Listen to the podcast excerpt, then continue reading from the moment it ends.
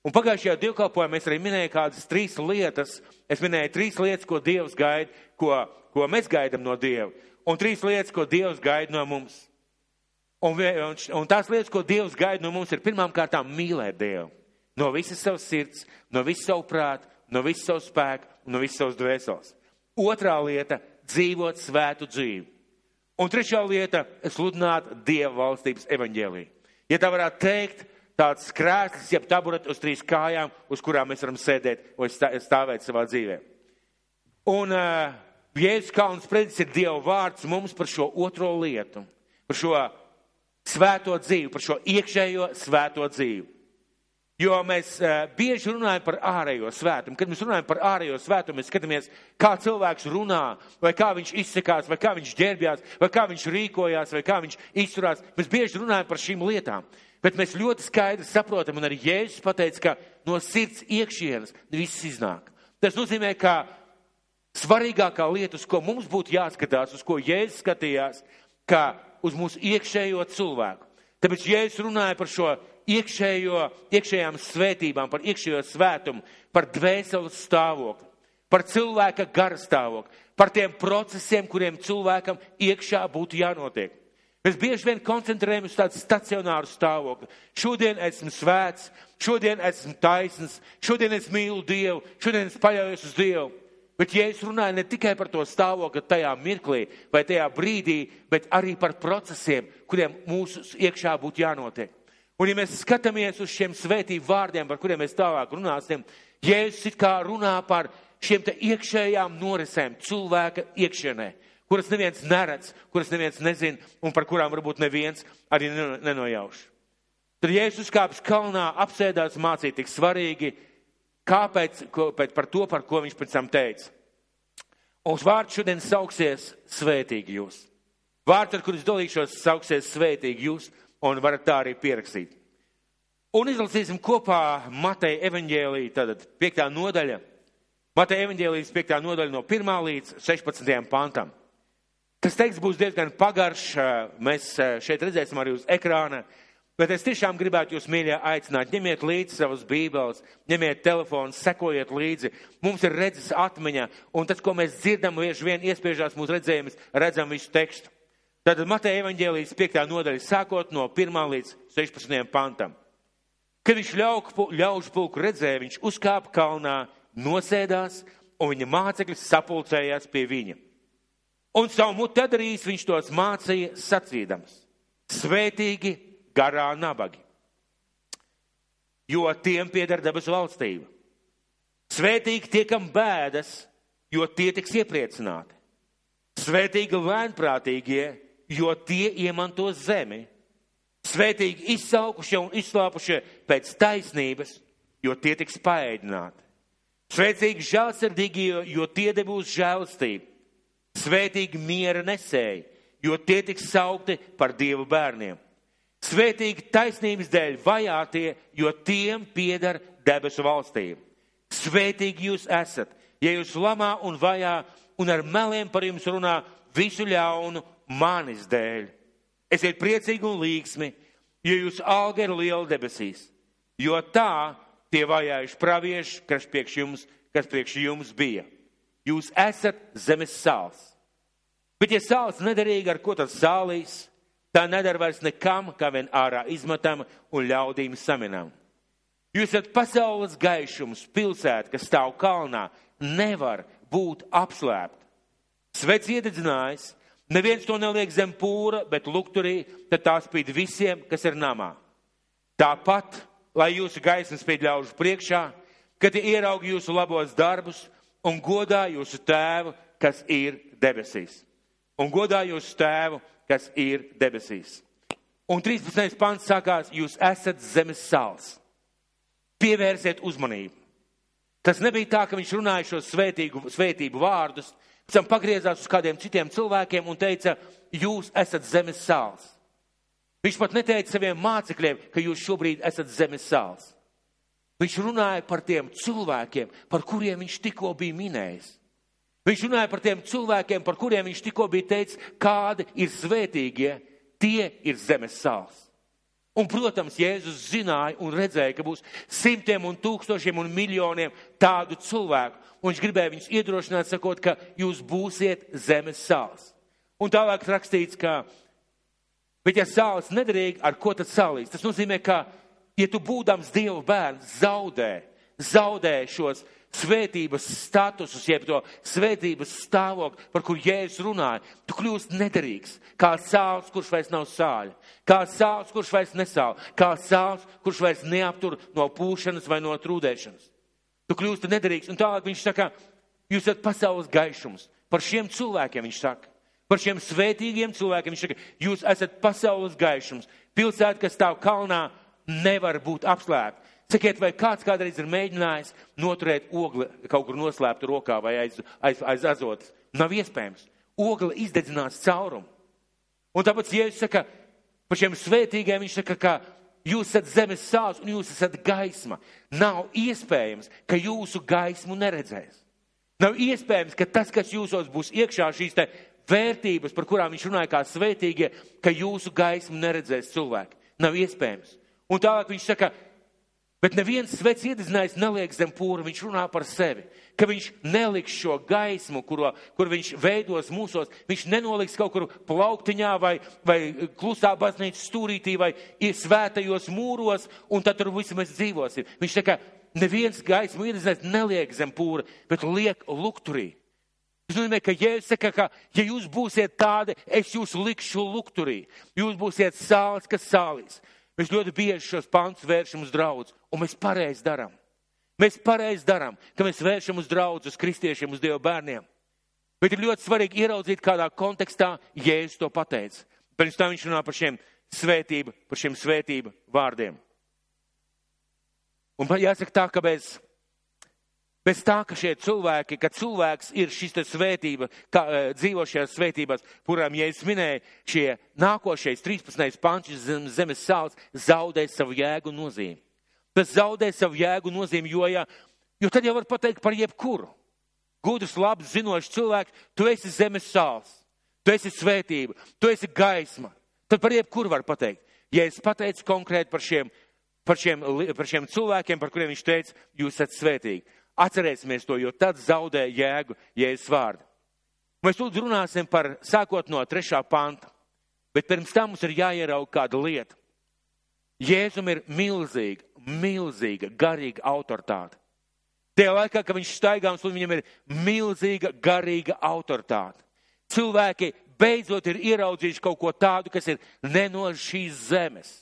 Pirmām kārtām viņa mācība ir ārkārtīgi spēcīga, pievilcīga. Viņš kā personība ir ārkārtīgi pievilcīgs, bet vēl ir kādas lietas, ko mēs varam lasīt Mateja evaņģēlī 4. nodaļā 23. pantā. Un ja es staigāju pa visu Galileju mācīdams, viņu sinagogās un dziedinādams val, eh, valstības eh, un sludinādams valstības evaņģēlī un dziedinādams visas slimības un sērgas tautā un viņa slama izpaudās pa visu Sīriju, un pie viņa atnesa visus neveselos, dažādus sērgu un sāpju pārņemts, vēlna apsēsts, mēnesis sēcīgs un triekšķerts, un viņš tos dziedināja. Un daudz ļaužu no Galilejas, no Dekopolis, no Jeruzalemes, no Jūdejas, no Visņas, Miņķis, Jardāns, gāja viņam pakaļ.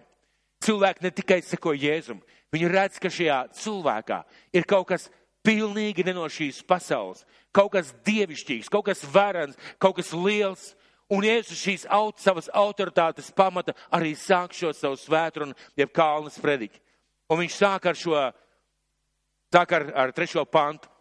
Bet saskaņā ar tā laika ticības pārliecību, saskaņā ar tā laika ticības pārliecību, ar garīgo vadītāju mācību tajā laikā, farizēji, sadiķēji, uh, tas, kas būtu, tas, ko šie te Eh, garīgie vadītāji un cilvēki, arī vienkārši šie cilvēki būtu sagaidījuši.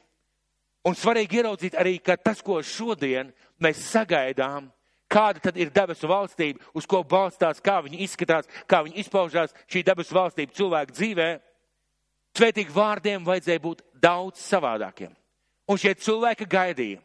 Atcerēsimies, Jēzus nerunā par ārienu farizēji, saduķēji, tā laika garīgā vadība, arī šodien mēs ārkārtīgi koncentrējamies uz ārējo.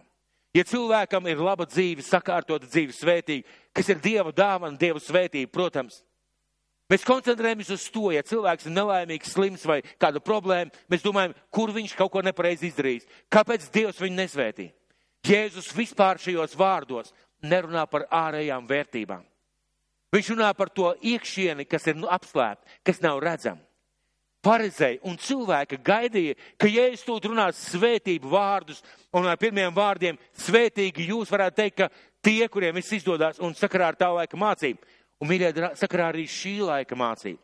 Ar šī laika šo izplatīto svētību mācību, jeb labklājības evaņģēlija, tā varētu teikt, šim vārdiem vajadzēja skanēt apmēram tā.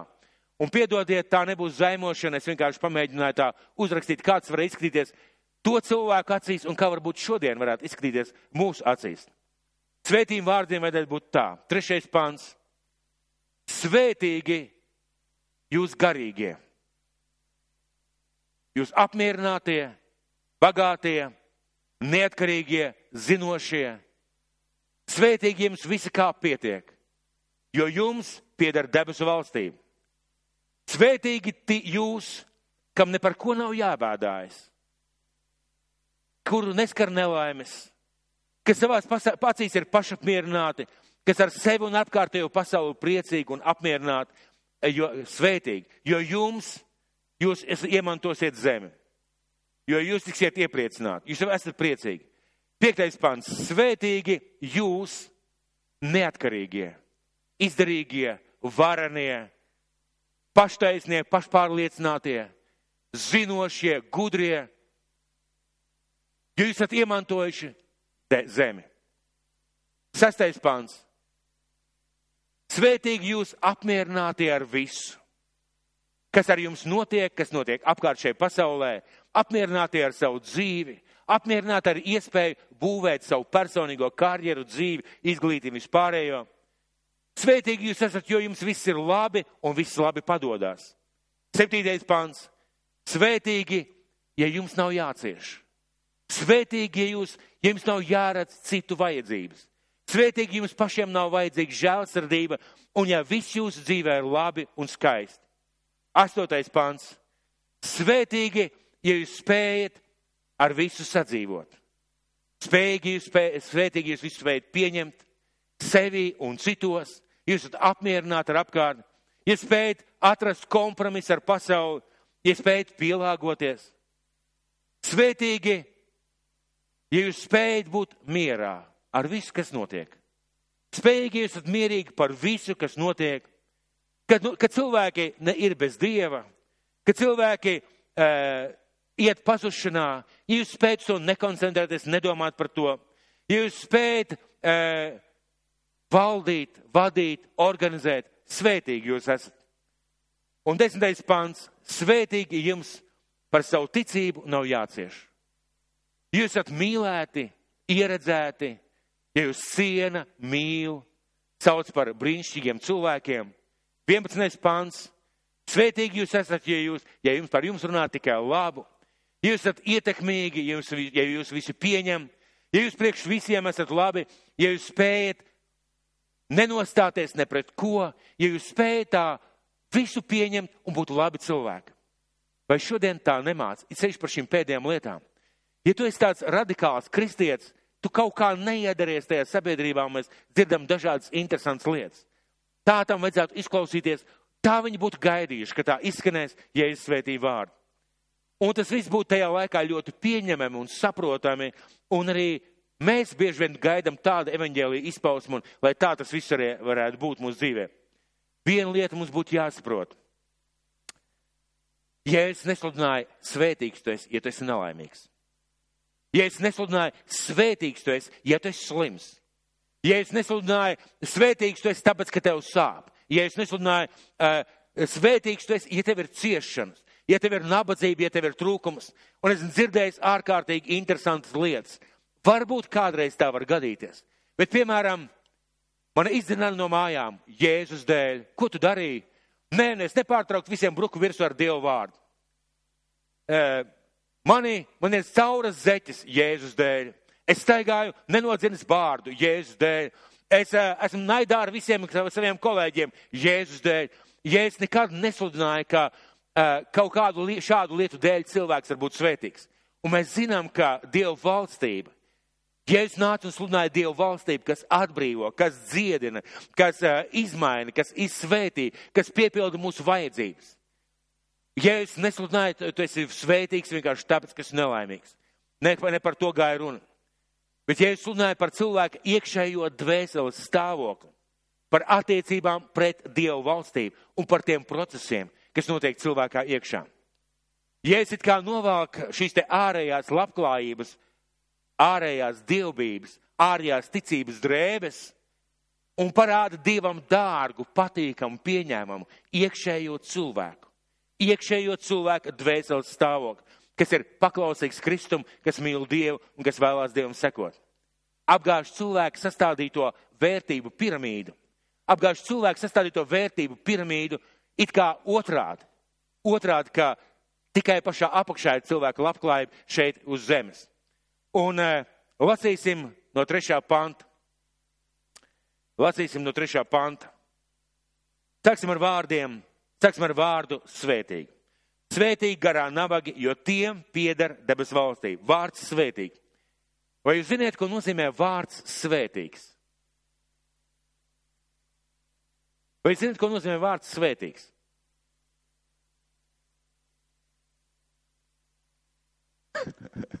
tas tas, par ko es tikko runāju. Vārds svētīgs nozīmē laimīgs. Vārds svētīgs nozīmē laimīgs. Mums reizēm patīk lietot labāk vārdu svētīgs, jo tas tā kā tāds dievbīgs, bagātāks, ietilpīgāks vārds. Bet šis vārds nozīmē laimīg, laimīgs.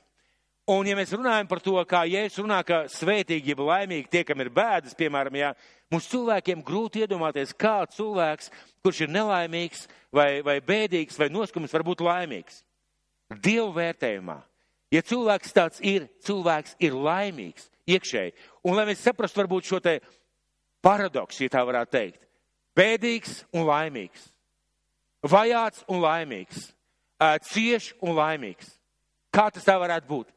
Es gribētu jums minēt kādus divus piemērus, lai mēs labāk saprastu šo te, šīs te līdzības. Sakiet, vai māmiņa, kas gaida bērniņu piedzimstam un ir kaut kādā 7., 8., 9. stāvu mēnesī, vai viņa ir svētīga? Vai viņa ir svētīga? Pasakam visi jā. viņa ir svētīga, pareizi. Bet paskatāmies uz viņas apstākļiem. Viņa no daudz kā atsakās. Viņa daudz kur neiet, daudz ko nedara. Viņai ir uh, sliktas sajūtas. Uh, es neesmu sieviete, es nezinu, nekad pārdzīvoju šīs sajūtas, bet es zinu, kā tas izskatās uz sievietēm, uz manu sieviņu un arī uz citām sievietēm. Es vienkārši varu redzēt, ir slikta pašsajūta. Reizēm sāp galva, sāp mugura, uh, ir slikta dūša. Šī sajūta liekas reizēm varbūt tāda, ka tu ļoti gribētu izbēgt no šīs sajūtas. Un pēc tam ir dzemdības sāpes šī bērniņa pasaulē nākšana, ko galīgi nevarētu nosaukt par svētīgu. Bet svētīgs ir tas rezultāts. Svētīgi viņa tajā laikā, kad gaida bērniņu, jo viņa gaida bērniņu. Un, kad tas bērniņš nāk pasaulē, šīs visas sāpes un problēmas vienkārši aizmirstās, paliek aiz muguras. Vēl kāds piemērs. Sakiet, vai alpīnists, kurš rāpjās ļoti augstā kalnā, vai viņš ir svētīgs? Lielākā daļa teiks, nekādā gadījumā. Pareizi? Vai viņš ir svētīgs? Ja tā ir viņa paša izvēle, ja tas ir viņa sapnis, viņa ilgu mērķis, vai viņš ir svētīgs? Viņš kāpj šajā augstajā kalnā un viņš plāno tur uh, iespraust savas valsts karogu. Bet apstākļi, caur kuriem viņš iet, Redziet, viņš ir svētīgs visā tajā procesā. Viņš, viņš dodas uz šo kalnu, ja tā varētu teikt. Viņš ir laimīgs par to, ka viņš ir tajā vietā. Bet tie apstākļi, tā situācija, kurā viņš iet cauri, galīgi nav patīkami. Mēs zinām, ka viņš atsakās no ļoti daudz kā. Reizēm lieto kaut kādas skābekļa balonus. Viņiem ir smagas nastas reizēm uz mugurām. Reizēm viņi noiet dienā 200, 300 vai tikai pat 100 metrus pa tādu augstu klīnu. Viņi cieš, naktī ir augsti, saules, vējš. Mēs zinām, ka cilvēki apsaldē rokas, apsaldē sejas ādu. Mēs varam redzēt tādas fotogrāfijas un tādus video. Bet tad, kad viņš ir uzkāpis kalnā, kad viņš stāja tā, tā kalna virsotnē, un es pazīstu to sajūtu nedaudz kad zem kājām guļ tās uzvarētās virsotnes un ka viņš iesprauž savu karogu. Tas ir mirklis, kad cilvēks ir gatavs raudāt. Jo viņš ir bijis svētīgs tajā, ko viņš ir darījis, viņš ir sasniedzis savu mērķi. Un jēzus, kad viņš runāja par šīm svētību vārdiem, viņš nerunāja varbūt par to pašu procesu tajā mirklī tik ļoti, cik viņš runāja par to, ka šis process atnes laimi, izdošanos un svētību Dieva acīs un svētīgu cilvēku dzīvē. Tāpēc sāksim ar trešo pantu. Svētīgi garā nabagi, jo tiem pieder debesu valstība. Ko nozīmē garā nabagi? Kad es biju tāds jauns kristietis, es domāju, tie ir cilvēki, kas nav tādi, nu, nu, tādi viegliprātīgi, tādi, nu, nu, dieva apdalīti, dabas apdalīti. Tāda, tā domāšana, prāts tāds, tāds viegls, tāds, nu, nenopietns. Un, saku, tie ir svētīgi cilvēki, ne, Jēzus ne par to runāja. Viņš runāja par tiem cilvēkiem, kas svētīgi ir garā nabagi, jeb tie cilvēki, kas jūtās, ka nav pilnīgi, kas jūtās, ka nav pilnīgi, ka nav pilnīgi Dieva un savās acīs, kas nav pašpietiekoši. Svētīgs, jeb garā nabaga cilvēks, kurš nav pašpietiekošs, man viss kā pietiek, es visu zinu. Kam vajag vairāk svētumu, kas ilgojās pēc vairāk svētumu, pēc vairāk Dieva sevī, kas grib vairāk no Dieva savā dzīvē, kas negrib palikt uz vietas, kam ir jautājumi, kuru dzīvē varbūt viņš staigā ar smaidu, viņam ir kādas atbildes, bet te pašā laikā viņa dzīvē ir daudz jautājumu un daudz izsaukumu zīvju. Kāpēc? Jo viņš jūtās nevis nospiests, nevis vājš, nevis nespēcīgs, eh, nevis grēcīgs Dieva bērns, bet viņš jūtās vairāk Dieva. Ziniet, kāds izskatās paēdis kristietis? Man neko nevajag. Es visu zinu. Es Bībeli lasu. Es pagājušajā gadā varbūt izlasīju visu Bībeli. Man ir visas atbildes uz visiem jautājumiem. Es visu saprotu, es visu zinu, man nav vajadzīgs neviena padoms. Es viens pats varu dzīvot, man visa kā pietiek. Bet, ja es saku, svētīgi tie, kur ir garā nabagi, kuri vēlās vairāk no Dieva, vairāk Dieva gara savā dzīvē, vairāk svētā gara darbības savā dzīvē. Ceturtais pants. Svētīgi tie, kam bēdas, jo tie tiks iepriecināti. Svētīgi tie, kam bēdas. Nu, te varētu teikt, nu jā, ja tavā dzīvē ir bēdas, tad tu esi svētīgs. Ja tavā dzīvē, piemēram, tev gadījās kāda nelaime vai problēma, tu esi svētīgs. Ziniet, par ko šeit Jēzus saka? Svētīgi tie, kas skums, ja bēdājās par savu nespēku, kas bēdājās par savu grēcīgumu, kas cīnās ar savu grēcīgumu godīgi un atklāti Dievu priekšā kas bēdājās par savu vājumu un atzīst, esmu vājš un nespēcīgs. Dievs, man ir vajadzīga tev palīdzība. Svētīgi ir tie, kas bēdājās par to, kas notiek apkārt pasaulē. Kas attīst šīs dieva sajūtas sevī par lietām, kas notiek apkārt. Kas skatās uz ļaunumu apkārt, un viņiem nav vienalga, ka tas tā notiek. Kas skatās, ka cilvēki iet pazušanā, un viņam nav vienalga. Viņš ir noskums par to, ka cilvēki iet pazušanā. Ja es saku, svētīgi tie, kuri bēdājās par šīm lietām. Piektais pants. Svētīgi lēnprātīgie, jo tie iemantos zemi. Svētīgi lēnprātīgie, jo tie iemantos zemi. Ko nozīmē vārds lēnprātīgs?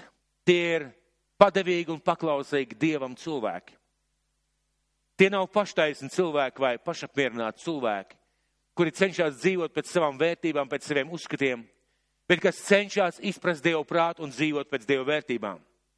Kas pat, atrod patvērumu sevī, nevis savos talantos, spējās vai dāvanās. Kas uztic savu dzīvi Dievam, vairāk domā par Dieva lietām, nekā par sevu dzīvi un par savām vajadzībām.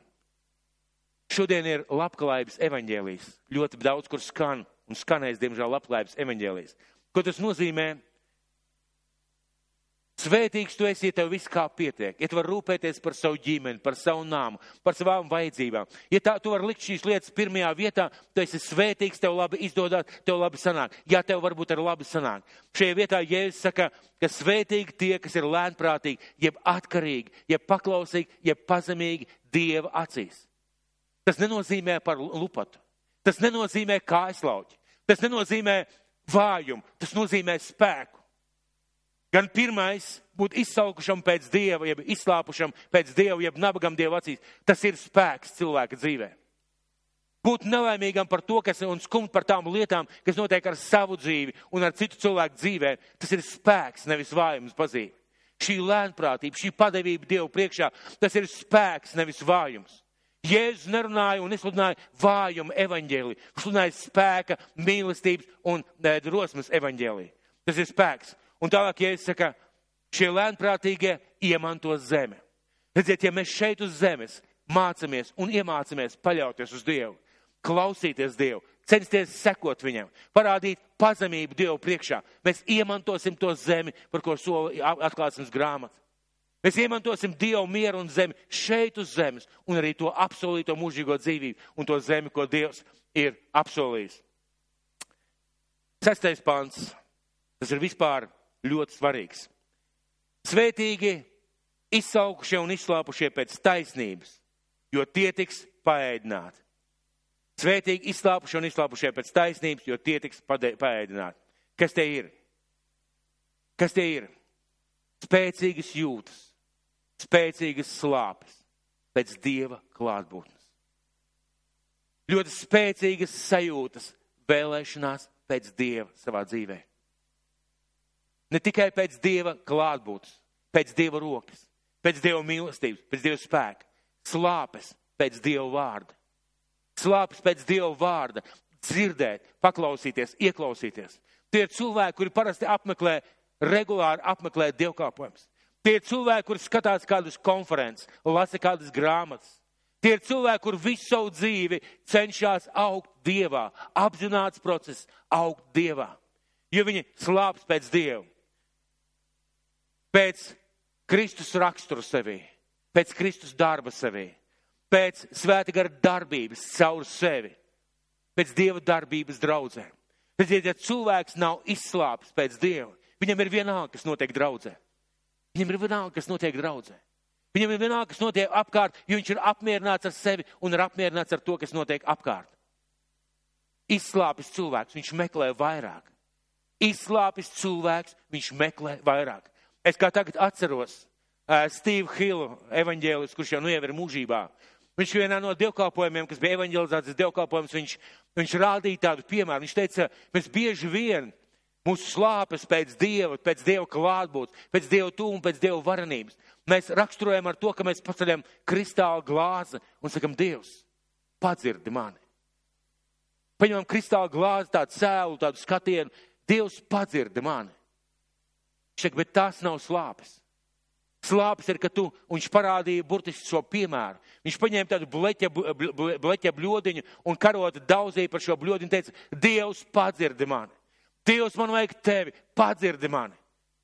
Un iesaka, svētīgi izslāpušie un izslā, izsalkušie pēc taisnības, jo tie tiks paēdināti. Ziniet, visas atmodas, visas atmodas. Lai kādas grāmatas jūs lasītu par atmodu, lai kādas grāmatas vai kādas liecības jūs lasītu par tām atmodām, kas ir bijušas pasaulē, neviena nav cēlusies no cilvēkiem, kur sēdēja dievkalpojumā un teica, mm, diezgan labi. Mēs šeit jūtamies labi. Viss ir kārtībā.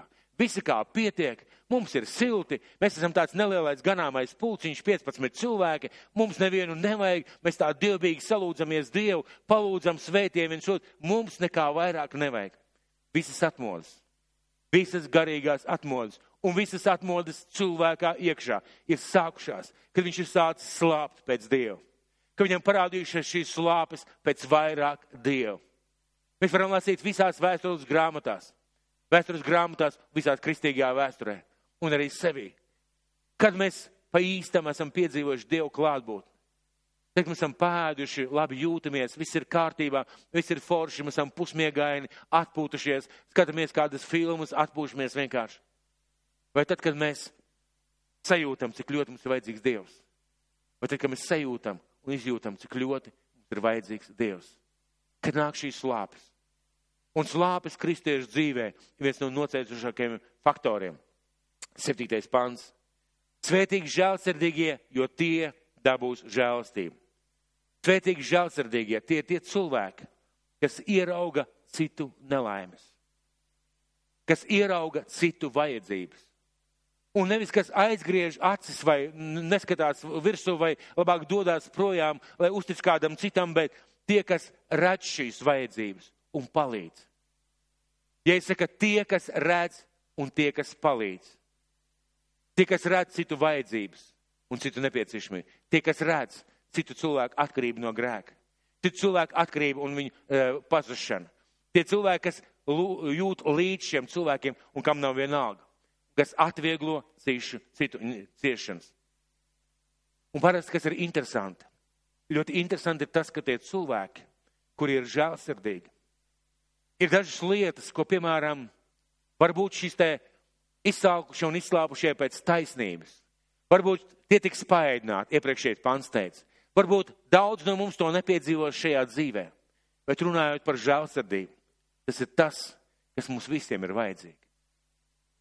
Reiz kāds mācītājs teica, Viņam jautāja, kāpēc tu nekritizēji tos studentus, viņš tur bija, viņš bija skolotājs, kāpēc tu nekritizēji tos studentus, kāpēc nepateici skaidrāk, stiprāk, pārliecinošāk, kāpēc tu varbūt bargāk viņiem nepateici. Un šis pasniedzējs teica, man arī vajadzīga žēlastība. Un ziniet, šie svētīgi, šie žēlsirdīgie tie cilvēki, kuri cer uz žēlastību savā dzīvē. Un viņi spēj, var un parāda žēlastību. Un arī šajā dzīvē šie cilvēki iemanto žēlastību. Astotais pants. Svētīgi šķīstie, jo tie Dievu redzēs. Jo tie Dievu redzēs. Kas ir šie svētīgi sirdsšķīstie? Pirmām kārtām tie, kas ieguvuši mieru ar Dievu caur Jēzu Kristu. Mēs visi zinām, ka neviens, neviens nav at, nevar attaisnot sevi ar saviem darbiem. Neviens cilvēks nevar pateikt, esmu tik labs, mana sirds ir tik tīra, tik balta, tik pareiza, ka esmu sirds šķīsts. Nē, runa ir par to, ka cilvēks ir ielaidis Kristu viņa dzīvē un ka Kristus ir nomazgājis viņa grēkus un tīra un mazgā viņa sirdi. Pirmām kārtām šī te Dieva miers un Dieva klātbūt cilvēku dzīvē. Kas vēlās, šis šķīstais nozīmē, ka cilvēks vērā, vēlās, lai viņa sirds būtu tīra Dieva priekšā. Kas neslēpjas no saviem grēkiem, neslēpjas no savām, savām kļūdām, bet vēlās, lai viņa sirds ir tīra Dieva priekšā. Kas vēlas būt līdzīgs domās, darbos Jēzum. Man vienmēr ir uzrunājuši tie vārdi, ko Jēzus teica savā pēdējā, pēdējā runā, ja pēdējā, eh, pēdējā lūkšanā pirms vakarēdien. Viņš teica tādus vārdus par vajāšanām, ka jūs tiksiet vajāti, kā mani vajājuši. Un pēc tam viņš saka, jo māceklim pietiek, ka viņš kļūst kā viņa kungs, skolotājs. Un es domāju, tas nozīmē, ka Jēzus pasaka, mēs nebūsim nekad Dieva dēls. Mēs nekad nevarēsim nomirt Golgātā pie krusta. Mēs nekad nevarēsim būt līdzīgi Jēzum pilnībā tajās lietās, kurās viņš bija. Bet Jēzus saka, jums pietiek, ja jūs esat kā jūsu skolotājs. Man vienmēr tas ir iedrošinājis. Man vienmēr ir iedrošinājis meklēt Dieva sirdi. Mēģināt domāt, kā attīstīt sevi to, kā Jēzus skatās uz cilvēkiem kā viņš skatās uz lietām, kā viņš skatās uz notikumiem, attīstīt sevī šo Kristus raksturu. Tas ir tas, ko Jēzus saka, svētīgi šie cilvēki, ja viņi tā dara. Kas uz lietām skatās ar Jēzus acīm.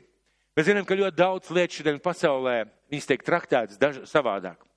Tiek traktētas savādāk, tiek uztaisīts dažādāk, dažādāk uzsvari, un daudzām lietām tiek pateikts, nē, tas ir vecmodīgi. Mēs nesen dzirdējām kādā raidījumā, kur gāja runa par to, ka Bībeli lasīt ir bīstam. Bībele ir bīstams instruments, jo nonākot nepareizajās rokās, Bībele var sabojāt cilvēkiem dzīvi. Mēs nesen dzirdējām, Jēzus tā nedomāja. Viņš domāja, ka cilvēkiem ir jāzina Dieva vārds. Un, tas, un svētīgs ir cilvēks tas, kas skatās uz lietām ar Jēzus acīm. Jo tie Dievu redzēs. Tie redzēs Dievu ne tikai mūžībā. Sirds šķīstie redzēs Dievu ne tikai mūžībā. Es ticu, ka mēs ik viens, kas sēžam šeit, varam ļoti personīgi piedzīvot Dievu. Un tās varbūt nav tikai sajūtas, kas kudriņas vai, vai, vai, vai kaut kādas īpašas sajūtas. Ir tik daudz liecību šodien pasaulē, ka cilvēki ir satikuši Kristu. Pāvils, lielākais no grēciniekiem un slepkavām, kas tajā laikā bija jaunās darības laikā, apustuļu darbu laikā, viņš redzēja Kristu.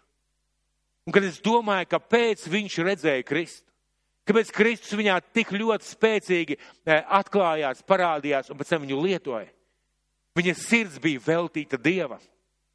Viņa sirds bija veltīta Dievam, jā, nepareizi, jā, kļūdaini, jā, nepareizi. Bet viņš vēlējās, lai viņa sirds ir atbilstoša Dieva sirdī. Un saku, jo tie Dievu redzēs, un es ticu, ka mēs ik viens varam redzēt Dieva darbus savā dzīvē, Dieva klātbūtni savā dzīvē. Pat ne Dieva svētību, bet Dieva tūmu savā dzīvē, ja mūsu sirds ir tīra un balta Dieva priekšā. Devītais pants. Svētīgi miera nesēji, jo tie tiks saukti par Dievu bērniem. Miera nesēji. Un ļoti bieži vien mēs domājam, ka šie vārdi nozīmē kompromisu mākslu vai mākslu atnest mieru kaut kādā eh, sarežģītā situācijā, vai māksla atnest kaut kādu izlīdzināšanos mieru. Jā, tas arī tur ir. Bet ziniet, kas ir tas svarīgākais miers, ko mēs varam ienest cilvēku dzīvē? Miers ar Dievu. Un tāpēc, mīļie, ja mēs nesludinām evaņģēlīju cilvēkiem, ja mēs nesludinām šo samierināšanās kalpošanu cilvēkiem ar Dievu, mēs neesam miera nesēji. Mēs varam būt par mieru nesējiem savā kompānijā, savā uzņēmumā, savā ģimenē, bet lielāko mieru mēs tā arī neatnesam. Jo lielākais miers, ko mēs varam atnest, tas ir atnest evaņģēliju, atnest Dievu cilvēku dzīvē. Tie, kas sludina mieru ar Dievu.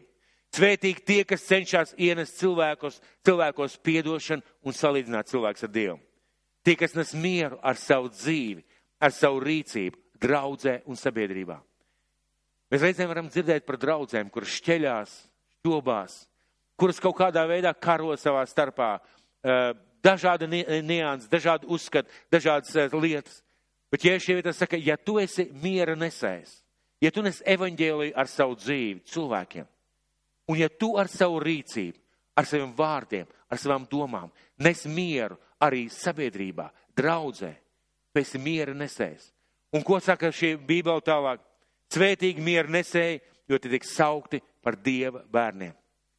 Mēs šodien cilvēkus, kur piedzīvo Dievu, saucam par Dievu bērniem. Un lielākais miers, ko mēs varam aiznest cilvēkiem, tas ir miers ar Dievu.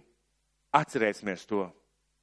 Un ja mums gribās attaisnot kaut kādā sevi, kaut kādā ziņā sevi, es jau evaņģēliju nesludinu, es jau īsti nemāku teikt, es jau īsti nemāku stāstīt, kaut kas īsti nav kārtībā.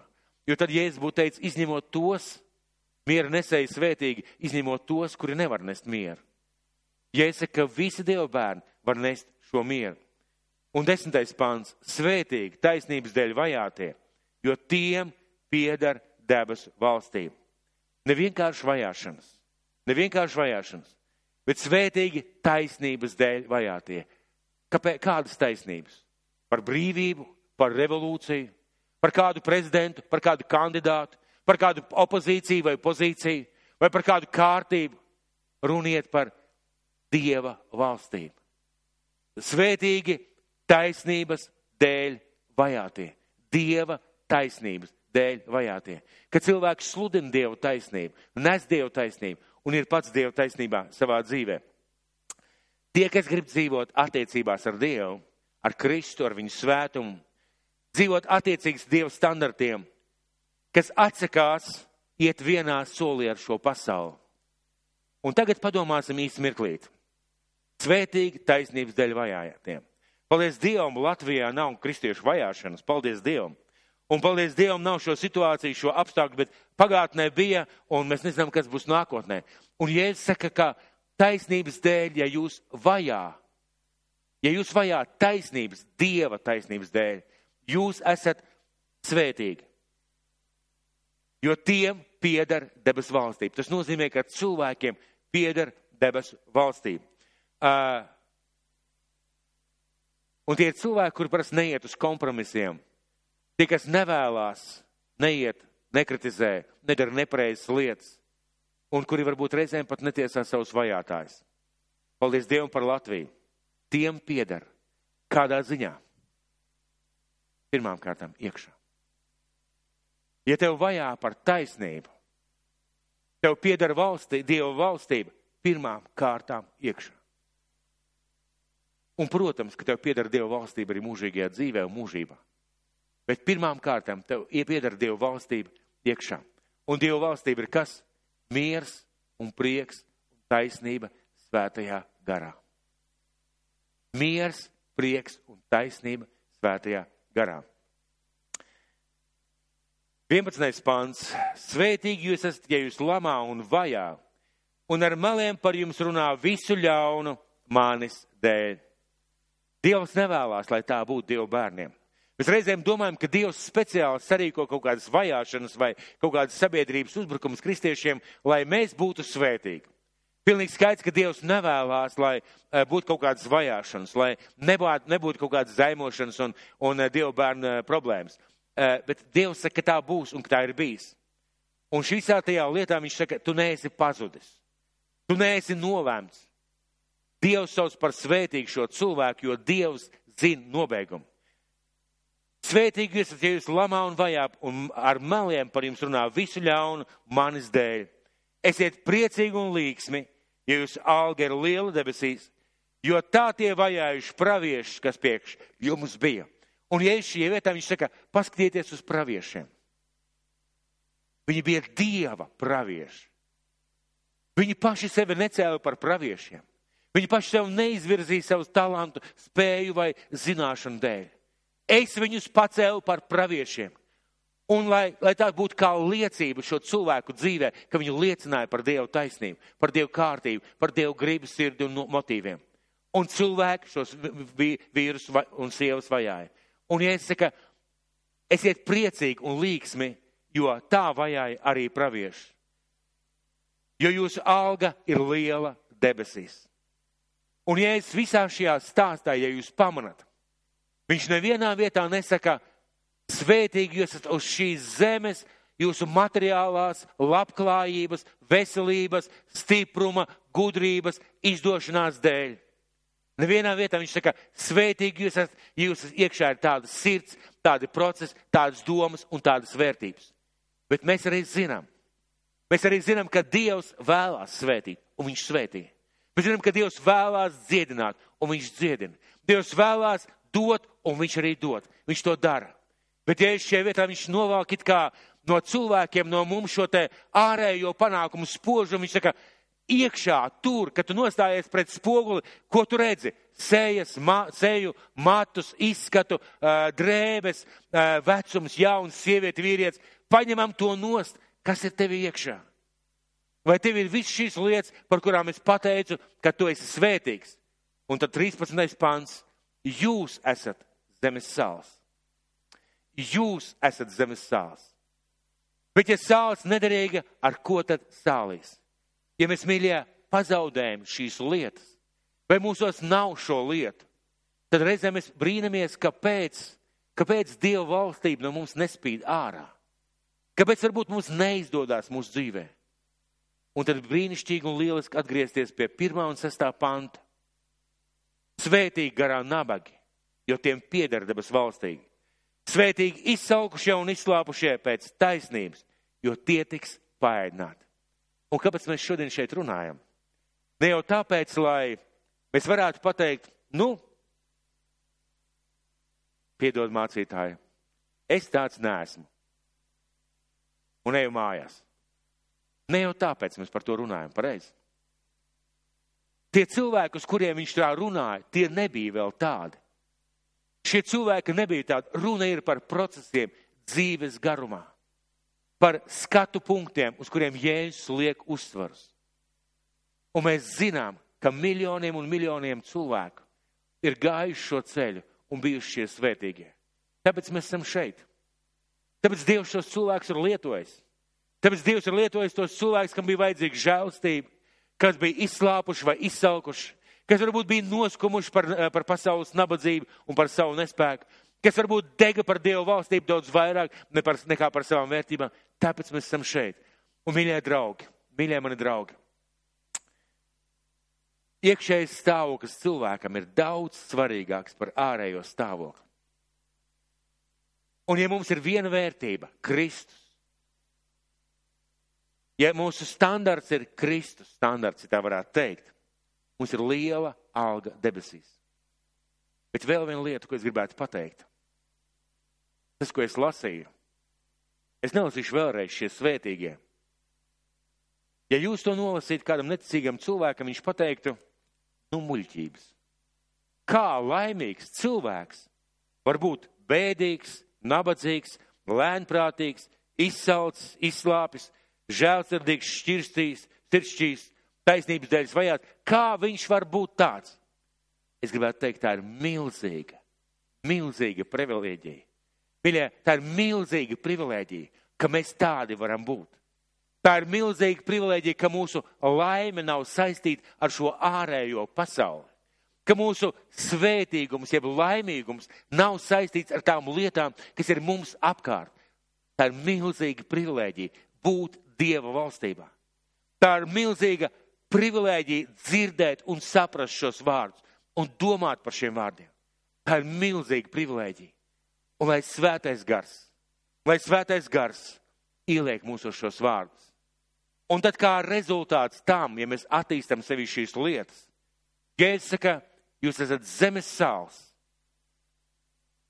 jūs esat pasaules gaišums, pilsēta, kas stāv kalnā, nevar būt apslēpta. Svets iededzinājis, neviens neliek zem pūra, bet lukturī tād tā spīd visiem, kas ir namā. Tāpat, lai jūsu gaisma spīd ļaužu priekšā, ka tie ierauga jūsu labos darbus un godā jūsu tēvu, kas ir debesīs. Un es gribētu teikt tā, ja mēs uzmanīgi noklausāmies šajos vārdos, ja mēs viņus pārdomājam, ja mēs viņus pierakstam un ja mēs viņos iedziļinamies, esmu pārliecināts, ka svētais gars mūsos iekšā kaut ko sāk rosīt. Kaut ko iekšā sāk rosīt. Vienkārši piemērs.